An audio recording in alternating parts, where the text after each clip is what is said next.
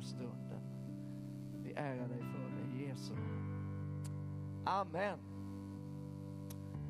Jag tycker Jesus är värd en applåd. Halleluja, tack Jesus. Halleluja. Ja, ja ehm, det är klart. Woo!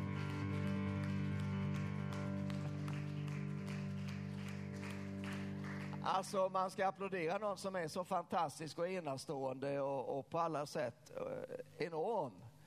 Då kan man inte bara slå ihop händerna tre gånger och sen sätta sig ner. Det håller liksom inte.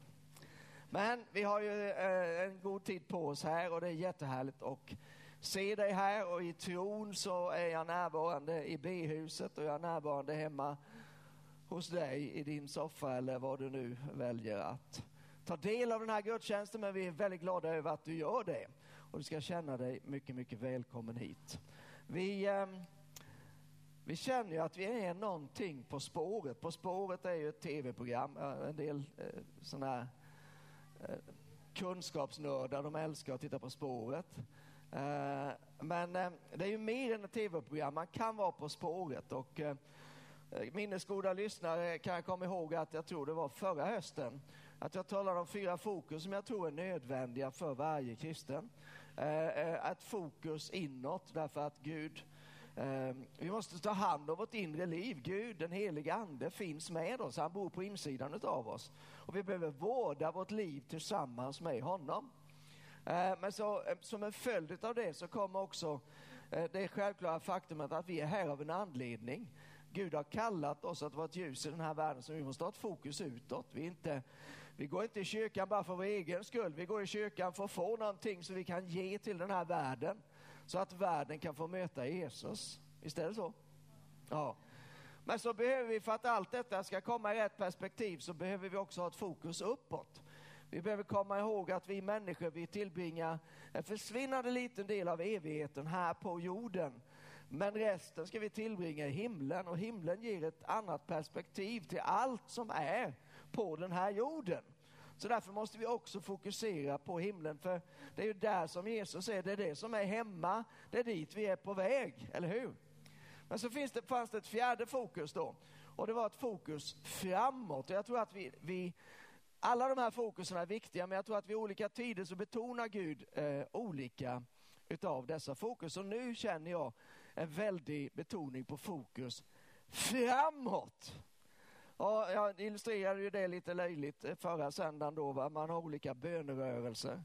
Eh, men, men den bönerörelsen som jag förordar, det är med den ena foten strax före den andra att man är i Jesu namn så ber vi just nu och vi tackar dig Herre och, och nu kommer du heliga och så är man själv redo att bli en del av bönesvaret men man också med själva sin, sin varelse så, så bara signalerar man det här.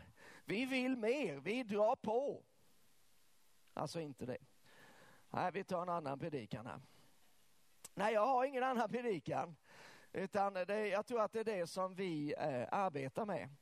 Och eh, ja, jag har, jag har mycket att säga om detta, men jag skulle vilja ha en liten bibelvers som, som utgångspunkt, eller faktiskt tre, fyra bibelverser tror jag det är, fem kanske. Och det är från Andra Samuelsboken, det femte kapitlet, som eh, vi hittar David och vi, vi, möter David när han har blivit kung över hela Israel. Ni vet att han var, var först kung över Juda i, eh, i sju år, men sen kom de andra stammarna och eh, kapitulerade så att säga och sa att det, det är ju lika bra att du blir kung för oss för du är ju ändå, det känns som att det är du. Och eh, så utspelar sig följande då ifrån vers 6. Kungen och hans män tågade nu mot Jerusalem och jebusiterna som bodde där i landet. De sa till David, det vill säga jebusiterna, hit kommer du inte in, till och med blinda och halta ska driva bort dig. För de tänkte, David kommer aldrig hit in. Men David intog Sions borg, det vill säga Davids stad. På den dagen sa David, de som slår jebusiterna ska gå genom vattentunneln och nå fram till, dess halt, till dessa halta och blinda som Davids själ hatar. Därför brukar man säga blinda och halta får inte komma in i huset. David slog sig ner i borgen och kallade den Davids stad. Där byggde han runt omkring från Millo och vidare inåt. David blev allt mäktigare och Herren Gud Sebaot var med honom. Eh, under böneveckorna här för ett par, tre veckor sedan eller vad det kan vara så stod jag där nere utan någon anledning, jag vet inte varför, och så upplevde jag att Gud sa något till mig som jag aldrig har, har, har riktigt tänkt på. Inte på det sättet. Men han sa så här, ett fäste har blivit nedbrutet. Nu behövs ett annat fäste byggas upp. Och det där har jag inte kunnat, eh, eller jag, jag har inte släppt det, jag vet inte om jag skulle möjligtvis kunna gjort det, men jag vill inte släppa det för jag tror att det var Gud som på något vis hade ett ärende med det. Och den här texten kan ses lite i ljuset av detta, för i den engelska översättningen och för den delen i, i de flesta så står det lite tydligare uttryckt just det här, när det står Davids borg så det, står det the stronghold, står det på engelskan. Eh, det vill säga ett fäste. Och då, då ser jag ju här att David kom och så bröt han ner ett fäste. Men han gjorde det till sitt fäste, det vill säga någonting annat ersatte.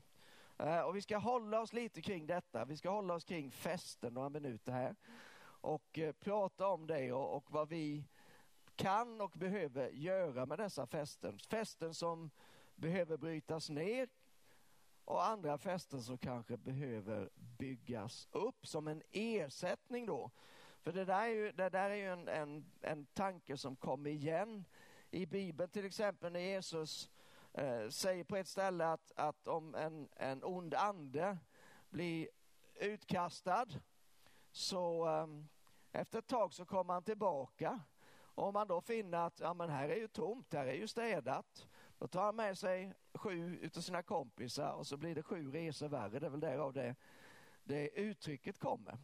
Så det är viktigt att om någonting rivs ner, om någonting kastas ut, om man blir av med någonting så behöver det ersättas av någonting annat. Om det nu är, vilket då jag vill hävda, eh, om det nu är så att ett fäste har blivit nedbrutet här eh, så påverkar det på olika sätt oss men det är ju inte bara så att ja men nu är det som det är utan vi är ju Guds församling. Vi är satta här att göra saker. Vi är satta här att råda. Vi är satta här att regera.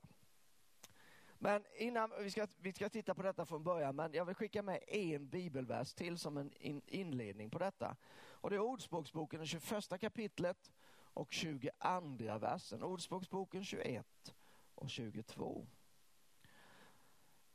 Den versen säger så här, en vis man kan storma en stad full av hjältar och bryta ner det fäste de litade på. Är inte detta fantastiskt? Eh, man skulle ju nästan kunna säga att det här är ett löfte från Gud. En vis man. Och vi bara stannar där. En. Vi tänker att vi måste vara många och vi måste jobba länge. En vis man. Men det krävs vishet och det krävs nog mer än mänsklig vishet. Och, och, det behöver inte vara en man, så titta inte på mig nu ni damer, det kan lika gärna vara en kvinna. Det är jag övertygad om. Men om vi har en stad som är full av hjältar, det vill säga krigare, mäktiga, starka män, så kan man ändå storma den staden och man kan bryta ner det fäste som de förtröstade på. Och där närmar vi oss lite grann, vi kanske ska ta den vägen istället, där närmar vi oss lite grann, vad är ett fäste egentligen? Jag skulle säga att ett fäste är någonting som man sätter sin förtröstan till. Det är ett sätt att förklara vad ett, vad ett fäste är. Eh, en förflugen tanke eh, kan inte skapa ett fäste. Men tankar som kontinuerligt tänks och som skickas åt samma håll, de blir till slut ett fäste. Eh, om, man, om man tittar på ordet fäste i Bibeln och hur det används så används det på lite olika sätt. Det finns lite olika ord för det men de är snarlika varandra i betydelse. Men till exempel så, så finns det eh, det som vi just läste i Andra Samuelsboken 5 eh, om Davids borg eller Davids fäste. Och vad är ett, en borg? Ja, en borg är ju en, det är en befästning, det är någonting som finns där och som, som talar om makt, som talar om inflytande. Så är det till exempel när du kommer till, eh, till slottet i Stockholm. Det är, det är inte någon liten koja på tre kvadratmeter med, med ehm, ja, någonting. Utan det är något, stort, det är massivt, det, liksom, det, det talar om jag är här och det är omöjligt att flytta på mig. Det är lite grann det som, som signaleras då. Samtidigt så utgör ju en borg eller någonting i den stilen, det utgör ju också ett skydd. Det är ju byggt för att skydda någonting. Och, och då måste vi ta med det tredje bibelordet som jag har för den här dagen och det är andra Korintierbrevet och det tionde kapitlet. Och, och, den versen tror jag är så, eller de verserna är så betydelsefulla så de ska ni få på ett par olika översättningar. Men vi läser först eh, Andra Korinthierbrevet 10 och vers 3 kan vi börja. För även om vi lever i världen strider vi inte på världens sätt. Det här versen föreslår ju att vi är i en strid och det finns ju andra bibelställen som pekar åt precis samma håll. Det finns, finns nog ingen som eh, är särskilt förtjust i att slåss eller kämpa eller strida. För en kort stund kan man ju vara det. Om man är en vinnarskalle så liksom, ah ja nu ska vi vinna här. Men när det pågår år efter år, liksom när det blir det 30-åriga kriget eller sådär, då blir, det, då blir det mest jobbigt. Man vill inte det. Men faktum är, vi är i en strid. Men, och vi är i den här världen, det är här som, som striden är. Och man skulle kunna säga att striden är emot den här världen också. Men vi strider inte på världens sätt. Vapnen vi strider med är inte kötsliga utan har kraft från Gud att bryta ner fästen. Här kommer fästena igen. Eh, och vi har vapen som har kraft från Gud att bryta ner fästen. Ja, vi bryter ner tankebyggnader, det är ett intressant ord. Tankebyggnader, vad är det? Det är alltså en byggnad eller ett fäste som tankar bor i. Som tankar kanske till och med gömmer sig i. Som tankar är, är beskyddade i. Men vi bryter ner tankebyggnader. Och allt högt som reser sig mot kunskapen om Gud.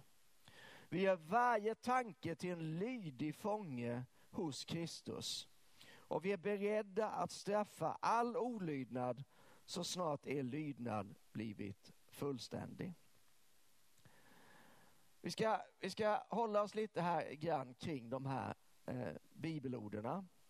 Eh, för jag tror att jag tror att ett fäste har blivit nedbrutet. Jag har bara upplevt det och flera har upplevt det med mig då. Eh, och eh, det finns ju säkert fler fästen. Så vi behöver hantera det här, vi behöver bli bra på det här, vi behöver förstå det här. Och man behöver förstå det på andligt sätt. Vi behöver påminna oss om den andliga verkligheten. För den fysiska verkligheten den är påtaglig, vi har den runt omkring oss hela tiden. Och eh, man kan säga att det finns människor som tenderar att förandliga allting. Har du träffat en sådan? Jag har gjort det. Det blir ganska jobbigt. Men jag skulle vilja säga det finns många fler exempel på människor som aldrig förandligar någonting. Utan om vi ska hitta motsvarigheten, förvärldsligar allting. Som söker naturliga förklaringar på allt det som vi ser och möter och så vidare. Eh, och då kan det ju åtminstone vara bra att hitta någon slags balanserad medelväg i detta. Men jag tror att vi behöver förstå eftersom vi har vapen, andliga vapen, för de har ju kraft från Gud, eh, så behöver vi förstå det här på ett andligt sätt. Eh, och då kan man, om vi nu tar med oss de här tankarna och så tänker vi på den situation som vi är i just nu. Hela världen är påverkad av en enda sak, har varit det sedan i, i början på det här året. Eh, och eh, det är ett virus. Det, vi har massa duktiga forskare, läkare och så vidare som jobbar kring detta och försöker eh, hitta bra lösningar. Vi är jättetacksamma till Gud för det. Men om vi försöker ta på oss de andliga glasögonen och funderar kring, finns det någon slags andlig dimension i det här så är det svårt att komma ifrån att det skulle åtminstone kunna vara någonting andligt också i detta. Och om det är någonting andligt, vad, vad betyder det då? Vad, vad, kan vi, ska vi eller kan vi agera på ett annorlunda sätt? Behöver vi tänka annorlunda kring detta? Om vi tänker på det faktum att eh, covidviruset här, eh, att det har eh, spritt väldigt mycket fruktan. Det kan ha slagit fruktan in i dig. Vi vet att det har gjort det i, i många, många människor. Eh, och, och, ingen, vi klandrar inte någon som har, som har upplevt fruktan eller lever i fruktan för detta. Men vi vet att fruktan det är djävulens största och förnämsta vapen för att binda oss människor, för att hålla oss tillbaka, för att stoppa oss från att gå i det som är Guds vilja. Så, och då, då, har vi, då har vi lite grann en, någon slags andlig approach på det hela. Eh, sen finns det, finns det andra dimensioner av detta. Om det nu finns en andlig verklighet bakom detta vad är det då som har gjort att det här har blivit förlöst, att det händer just nu? Och alltså kommer det på något sätt att behöva påverka hur vi tänker kring det hela? Jag, vill, jag, vill, jag hoppas att jag kan utmana det lite grann utan att bli alldeles för, för flummig så. Men jag tror att vi, vi kan inte Det räcker inte om vi bara tittar på det med mänskliga ögon. Vi måste se på tillvaron med andliga ögon. Eh, och det har förstås inte bara med covid att göra, det har med, med livet som sådant att göra.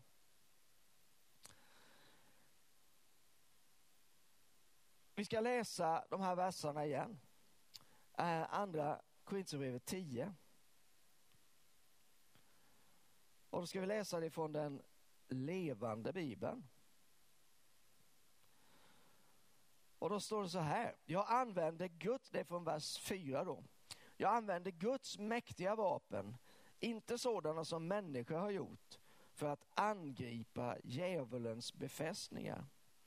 Dessa vapen kan bryta ner varje högmodigt argument mot Gud och varje mur som byggs för att hindra människor att finna honom. Med dem kan jag ta varje upprorisk tanke hos människor till fånga och leda den tillbaka till Kristus så att de inget högre önskar än att lyda honom. Jag kommer använda dessa vapen mot er, var och en som gör uppror sedan jag först använt dem mot er och ni har kapitulerat för Kristus. Förlåt, jag läste lite fel. Jag ska läsa en gång till så att inte det blir förvillande. Jag kommer att använda dessa vapen mot var och en som gör uppror sedan jag först använt dem mot er och ni har kapitulerat för Kristus. När Paulus skriver till romarna så både börjar han och avslutar sitt brev med att tala om trons lydnad. Och det här bibelordet pekar lite grann åt samma håll. Det talar om betydelsen av att vi är lydiga. Men det finns någonting som vill hindra oss från att vara lydiga och det är det som vi måste bryta ner. Och vad är det då som hindrar oss? Jo, det är tankebyggnader, det är det som reser sig upp mot kunskapen om Gud. Det är fästen som är etablerade. Och vad är de här fästena då? De är gömställen för tankar som är emot Gud. Det är ett sätt att förstå det hela. Det vill säga, det finns ett tänkesätt i den här världen som är emot Guds tankar. Och det tänkesättet, eftersom vi är i världen och det finns i världen, så är vi påverkade av det. Mycket mer än vi ville och mycket mer ibland än vad vi har insett.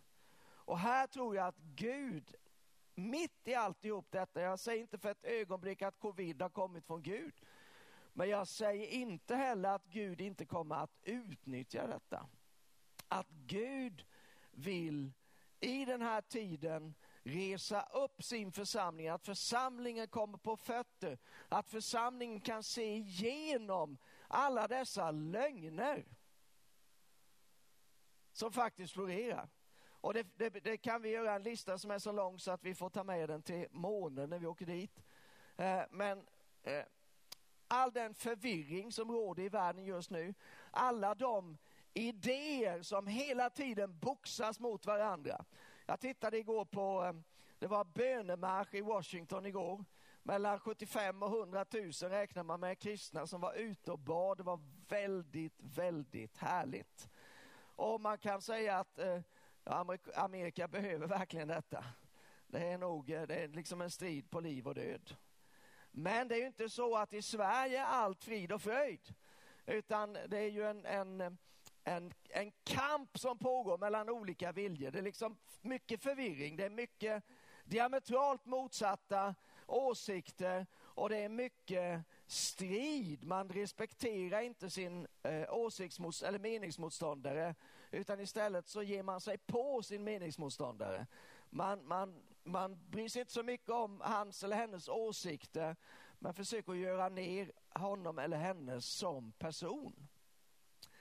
Allt det här pågår nu och vi känner oss för det mesta som offer och tänker, ja världen är ond, Jesus kan du hämta oss, snälla Jesus, kom nu. Jag, jag, jag fick upp en, på sociala medier så kan man ju bli påmind om vad man har delat tidigare och då fick jag upp igår tror jag det var.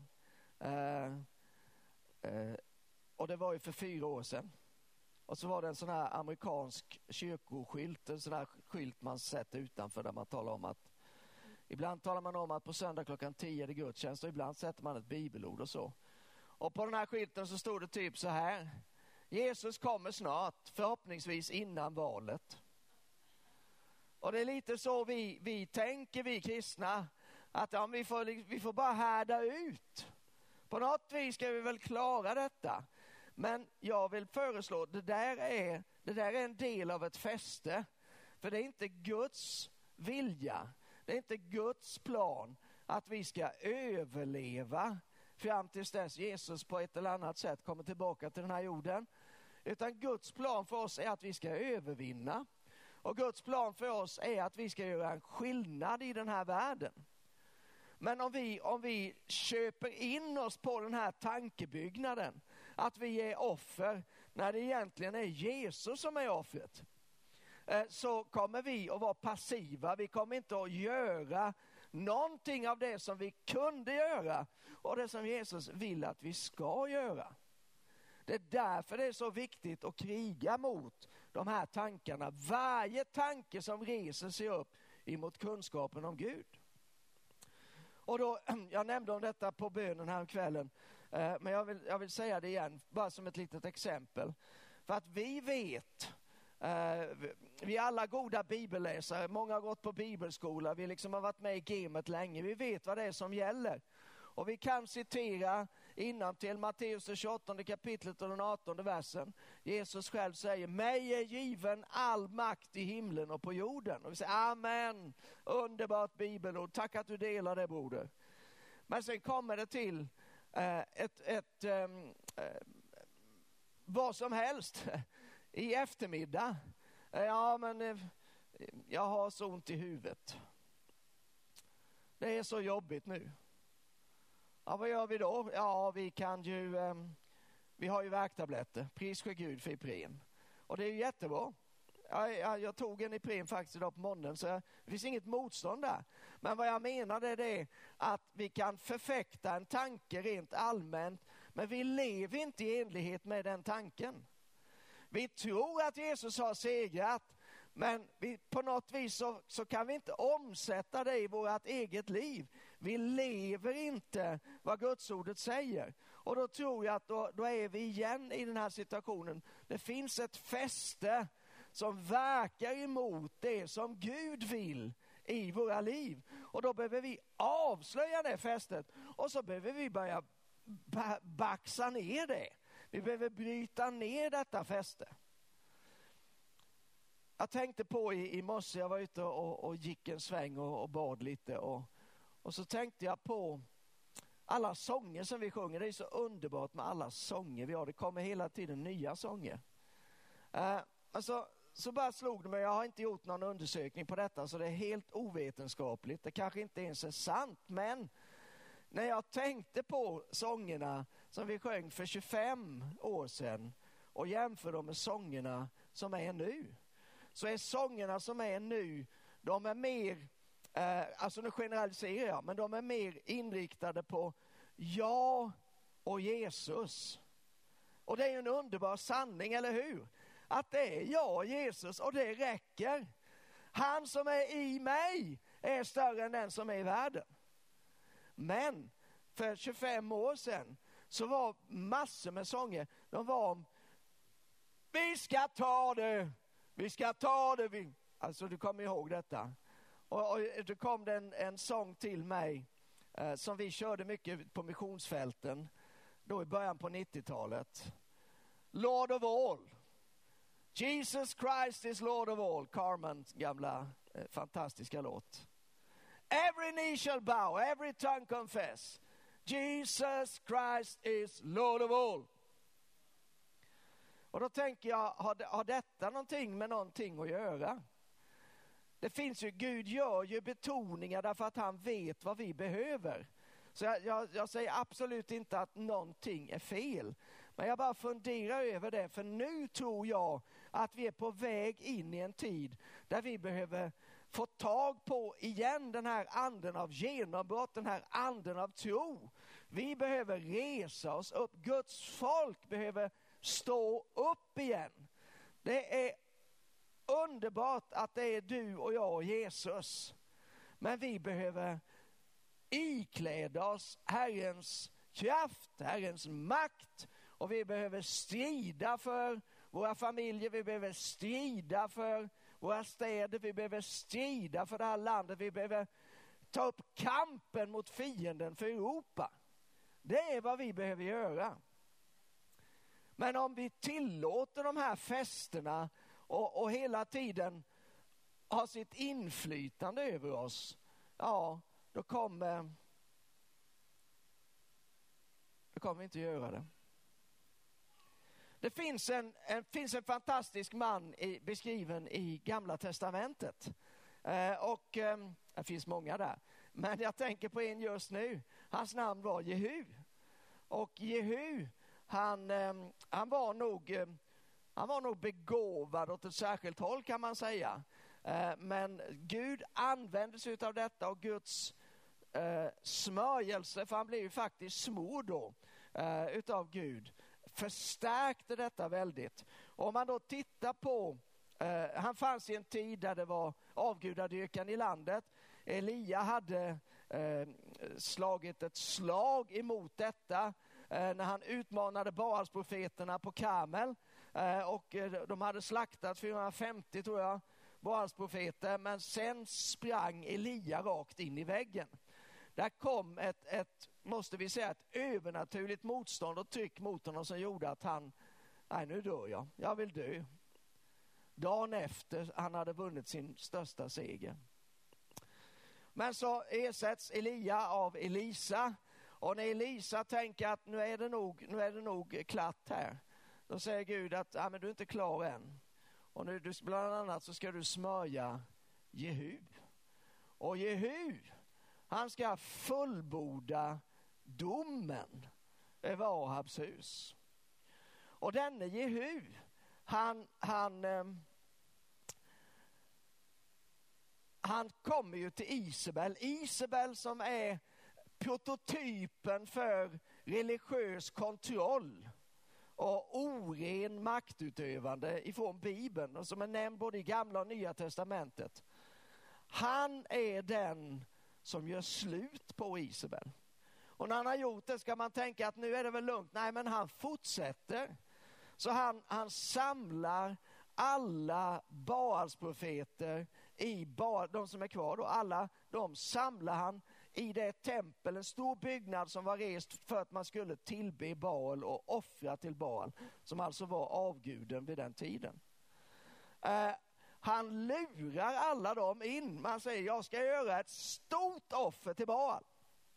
Och så lurar han in dem alla och så säger han till sina gubbar, nu stänger ni dörrarna, om någon slipper ut så är det öga för öga och tand för tand. Det var ju gamla testamentet, det är ju tur att inte vi behöver hålla på så nu. Men, men häng med här nu, förstå det här på ett andligt sätt då. Ja. Och så dödas de och så bryter han ner det här templet. Det var ett fäste som blev nedbrutet och istället, vad gör han det till? Han gör det till toaletter. Det är liksom den optimala förnedringen. Och utan att dra några vidare paralleller så tror jag att det finns fästen som du och jag, som Guds församling i den här tiden, som vi måste bryta ner. Vi måste gå in i någon form av andlig krigföring. Jag, när jag säger andlig krigföring så kanske du tänker på galna människor som klättrar på väggarna. Ja, om det är nödvändigt, varför inte? Men jag tror inte att det i första hand eh, handlar om det. Jag tror att, att eh, Gud vill bara föda en tro i oss. Därför att det finns en tro som övervinner världen. Allt som är fött av Gud övervinner världen, men det finns en tro som övervinner världen. Johannes talar om det i samma, i samma avsnitt där i, i första Johannesbrevet 5. Och jag tror att Gud vill fylla oss med en tro som säger, nej vi accepterar inte detta. Nej, vi, vi vägrar att böja oss. För vad tid, tiden har blivit vår fiende när tiden egentligen borde bli vår vän. Och vad jag menar med det, det är att tiden har gjort att vi har, vi har testat Gud på olika områden, men det ser inte ut som att det har hänt någonting. Och då, då, blir, då, då anpassar vi så att säga våra attityder, vår, vår, eh, vi anpassar oss till den verklighet som vi ser runt omkring oss. Men vad vi egentligen gör då, här kommer någonting som kan vara lite hårt att ta. Det är att vi slutar att lyda Gud. Vi accepterar någonting som reser sig upp emot kunskapen om Gud. Det är som att vi säger att nej Gud, jag, jag tror inte att du kan detta. Det skulle vi ju aldrig säga, eller hur? I synnerhet inte till Gud. Men med vårt liv så är det ändå det vi kommunicerar. För vi har gett upp. Och vad är då vägen tillbaka? Jo, vägen tillbaka är alltid omvändelse. Det börjar med att man inser, jag behöver ändra på mig. Gud, jag har gått fel, förlåt mig. Men sen behöver då vi ta emot Guds ande, vi behöver ta emot trons ande igen och igen och igen.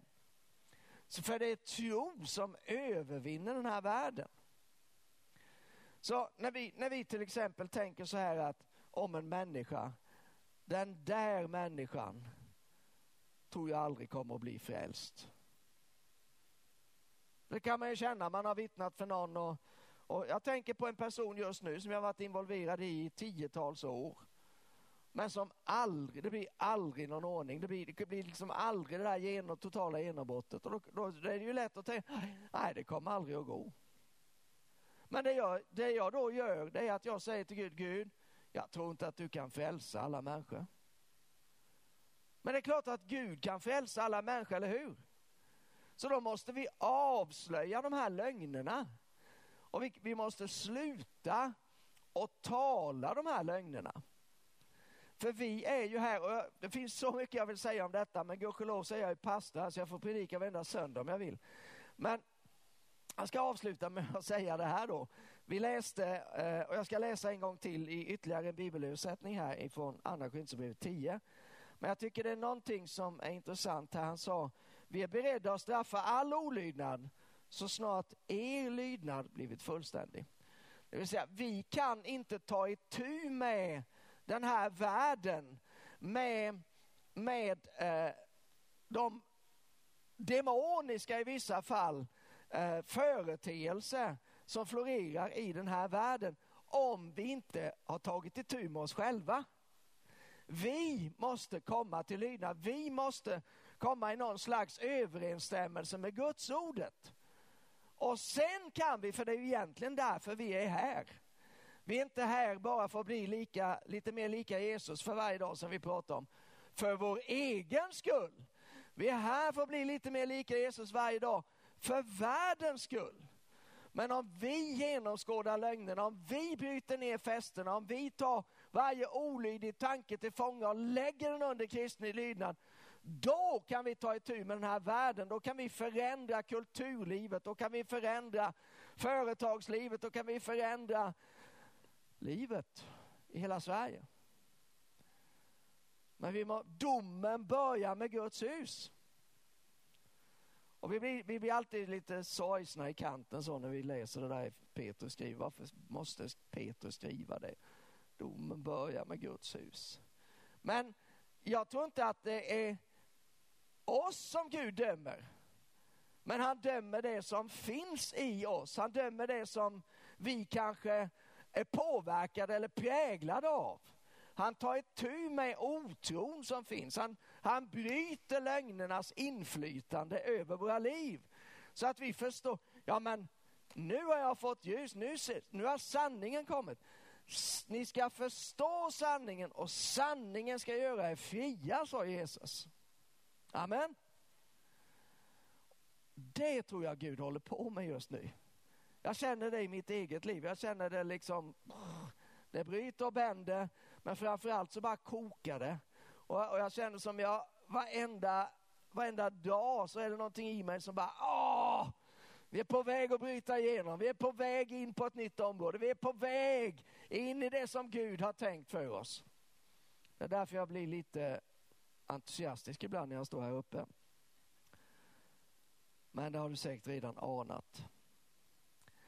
Ja, mycket mer finns att säga om detta, men eh, jag tror att vi strax ska sluta här. Men får jag läsa Andra Korinthierbrevet 10 ytterligare en gång för dig, de här verserna, från vers 3 då och framåt. Och då, då plockar jag texten ifrån The Message. The Message är ju en, en kan man säga, en omskrivning, en para, parafrasvariant på Bibeln. Eh, men det kan hjälpa oss. Eh, ibland tycker jag det hjälper att läsa lite olika, man får lite olika infallsvinklar. Man, man kan se på saker med friska ögon. Och The Message hjälper mig ibland med detta. Då står det så här, världen är självisk. Det råder allas krig mot alla. Världen har inget sinne för fair play. Men vi lever inte så. Vi strider inte på världens villkor. Det har vi aldrig gjort och kommer aldrig att göra. Det är ju ett litet trosuttalande i sig, för många gånger gör vi ju just det. Vi, vi um, äh, oh, nu måste jag säga någonting om det med då. Vi, vi tar ju upp debatten. Och vi, eh, vi sprider de här eh, sakerna som vi hittar på nätet. Eh, och det är diverse mer eller mindre tvivelaktiga. Ibland har jag skrivit till folk som skickar grejer till mig och det är uppenbart. Alltså det kan ju vara ett vanligt virus men det kan ju också vara sådana här uppenbara bara konspirationsteorier. Som man, man är till 99,9 procent det här stämmer inte överhuvudtaget. Och om det stämmer så är det ändå inget vi kan göra åt det. Eh, och det har inte med oss att göra överhuvudtaget. Men det är att strida på världens sätt. Så att vi, vi, vi är där vänner. Men vi kan förflytta oss därifrån. Och så kan vi, jaha får man inte göra det heller nu? Du får göra precis vad du vill. Men jag föreslår, lägg energin där det verkligen gör nytta. Lägg energin där du kan tillföra, så att du kan tillföra liv. och inte bara underhålla eh, eh, en massa galna saker som inte bär någon god frukt. Lägg energin där, det, där du verkligen kan göra en positiv och utgöra en positiv skillnad. Vi lever inte så och strider inte på världens villkor. Det har vi aldrig gjort och kommer aldrig att göra. Budskapet är varken marknadsföring eller propaganda. Men lyssna nu på vad budskapet är. Det här tycker jag, jag gillar sådana omskrivningar. Det funkar på mig. Budskapet är en murbräcka mot hela denna gudsföraktande människofientliga kultur. Vi svingar vår gudasmidda murbräcka mot snedvridna filosofier och river alla murar som rests mot sanningen om Gud. Alla osammanhängande tankar, känslor och impulser, de passar vi in i ett liv som är uppbyggt kring Jesus. Med dessa verktyg nära till hands så undanröjer vi alla hinder så att lydnad kan byggas upp till mognad. Nu är det tid för Kristi kropp att mogna. Men mognaden kommer genom att vi lyder. I tisdags kväll så sa jag detta, jag liksom tänkte, är det, är det, sen efter, tänkte jag, var det bra att säga det? Men så kände jag, jag tror att det är nödvändigt att säga det. Det finns en dimension i detta med att lyda Gud. Om inte vi lyder honom, vem lyder vi då? Sela. Alltså det är värt att tänka på, eller hur? För vi vill lyda Gud. Jag är övertygad att du som lyssnar idag, du har inga andra intentioner. Du vill inte gå, gå fiendens ärenden, fjärran vare det från oss alla. Men vi måste se över våra liv och, och förstå hur saker och ting ligger till. Vi är här för att bryta ner de här fästena. Vi är här för att avslöja dessa tankar som reser sig upp. De, res, de kan resa sig upp i mig. Det är jättejobbigt när de gör det. Men om jag kan avslöja dem då, om jag kan, om jag kan förstå, nej men den här tanken, det är inte Guds tanke. Det här stämmer inte med vad Gud säger. Det här stämmer, alltså, vad, vad kan då fäste vara? Får jag, får jag nämna om, om positiva fästen? Det står ju att i Bibeln på flera ställen att Gud är ett fäste. Det är det tryggaste fäste man kan ha. I psalm 9 står det så här, Herren är en borg för den förtryckte, en borg i nödens tider. De som känner ditt namn litar på dig, för du överger inte dem som söker dig. Herrens namn är ett starkt torn, står det i Ordspråksboken, är det 10 18 eller 18 och 10, jag kommer inte ihåg vilket. Herrens namn är ett starkt, det är ett fäste. Jag skulle vilja säga att församlingen i, i, per definition är ett fäste. Men om, om, vi, om, vi, om vi tänker lite vidare, ett fäste som jag tror är oerhört betydelsefullt att hålla upp i den här tiden, det är att Gud är god.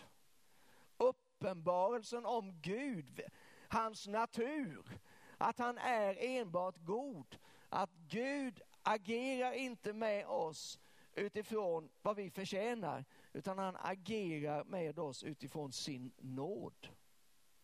Men kom ihåg, oh, nu kan jag komma in på en annan predikan.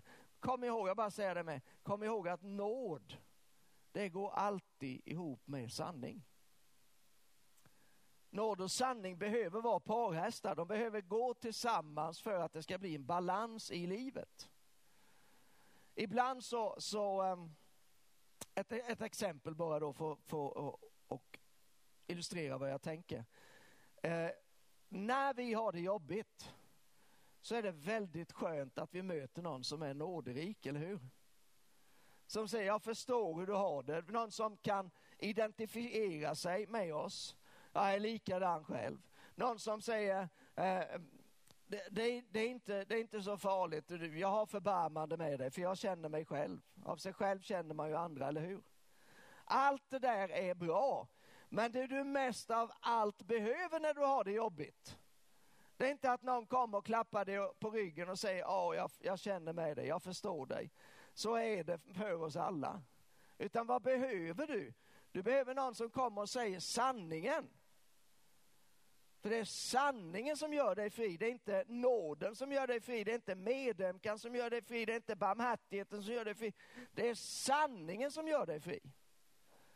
Så då behöver vi koppla samman, vi ska inte ha bara sanningen istället för nåden, för det blir så hårt och kallt och jobbigt och omänskligt. Men när vi lyckas att kombinera detta, men vad vi har gjort de senaste åren alldeles för mycket, det är att vi har bara identifierat oss i största allmänhet. Vi träffar någon som har missbruksproblem och säger, ja fy vad jobbigt, jag ska be för dig.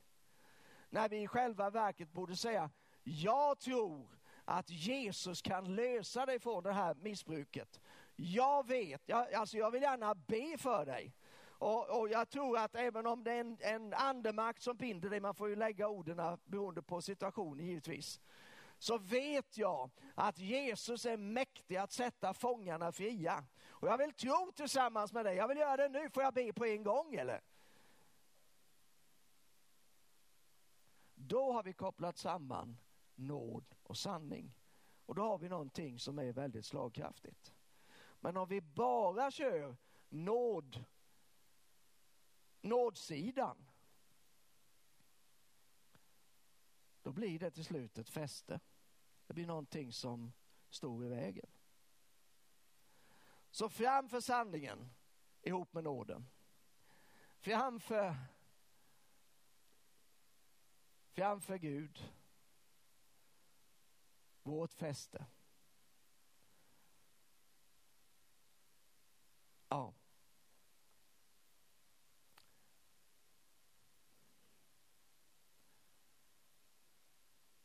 Jag tror du klarar inte mer nu. Jo, det gör det. Det var, ju, det var ju dumt att säga så. Nej, men jag tror att vi kan, jag tror att vi kan sluta där. Men, men om du vill ta med dig det här hem, om du vill tänka på detta, om du vill be över detta, eh, så tror jag att vi tillsammans eh, så kan vi vi kan genomskåda lite av de här lögnfesterna som finns runt omkring oss. Och så kan vi också tillsammans göra någonting för att förändra detta. Man kan applicera det här på det personliga planet. Man kan applicera det i en församling, man kan applicera det i en stad. Varje stad har med säkerhet åtminstone ett fäste, någonting som, som är signifikativt, som är extra tydligt, där man förtröstar på Eh, eh, vad det nu än är för någonting. Men det finns också fästen som är nationella. Eh, och vi är här för att bryta ner samtliga sådana fästen och istället bygga upp gudaktiga fästen, Gud, gudsfyllda fästen som hjälper människor till Jesus. För nu finns det en massa fästen i det här landet som drar människor bort ifrån Jesus. Som gör att människor aldrig egentligen får en chans att tänka på Jesus för det står så många fästen i vägen. Fyllda av tankar som är uppror mot Gud. Och då måste vi kriga ner. Det fina är att en vis man kan storma en stad full av hjältar och bryta ner det fäste som de litade till. Och allt folket sa Amen. Kan vi stå upp tillsammans? Halleluja, låt oss be. Jesus, vi vill tacka dig för att du kom till den här världen och du gjorde allt det som Fadern hade tänkt att du skulle göra. Du vann en evig seger och på grund av den segern så är vi idag dina barn, men vi är också dina ambassadörer. Vi är en, en del av din kropp i den här världen. Och Herre, vi bara ber att du ska hjälpa oss genom ditt ord och genom din ande att se, Herre, att se igenom lögnens nätverk, att se igenom de, dessa ibland till och med demoniska fästen som finns runt omkring oss. Att vi inte böjer oss där vi inte ska böja oss utan där vi står raka, där vi kan avslöja, där vi kan genomskåda och där vi kan bryta ner fästen. Vi tackar dig Herre för att du har satt oss i den här tiden för att övervinna. Och vi tackar dig för att du har gett oss det som vi behöver. Vi behöver inget mer Herre än det du redan har gett oss. Men hjälp oss Herre att leva i allt detta. Hjälp oss Herre att ta tillvara de vapen som har kraft ifrån dig och som kan bryta ner fästen och tankebyggnader och allt högt som reser sig upp emot kunskapen om dig. Hjälp oss så vi kan göra det i våra egna liv, men hjälp oss också så att vi kan vara till välsignelse för andra människor. Människor i den här stan, här, människor här i, i Smålandsbygderna och människor i Sverige, människor ute över Europa och resten av världen. Vi tror Gud att du vill resa upp ditt folk i den här tiden. Vi tackar dig Gud för din ande som ska utgjutas igen över Sävsjö, över det här landet. Vi prisar dig för det. I Jesu namn. Amen. Halleluja. Vi vill eh, strax avsluta men vi vill eh, bara ge tillfälle för förbön också.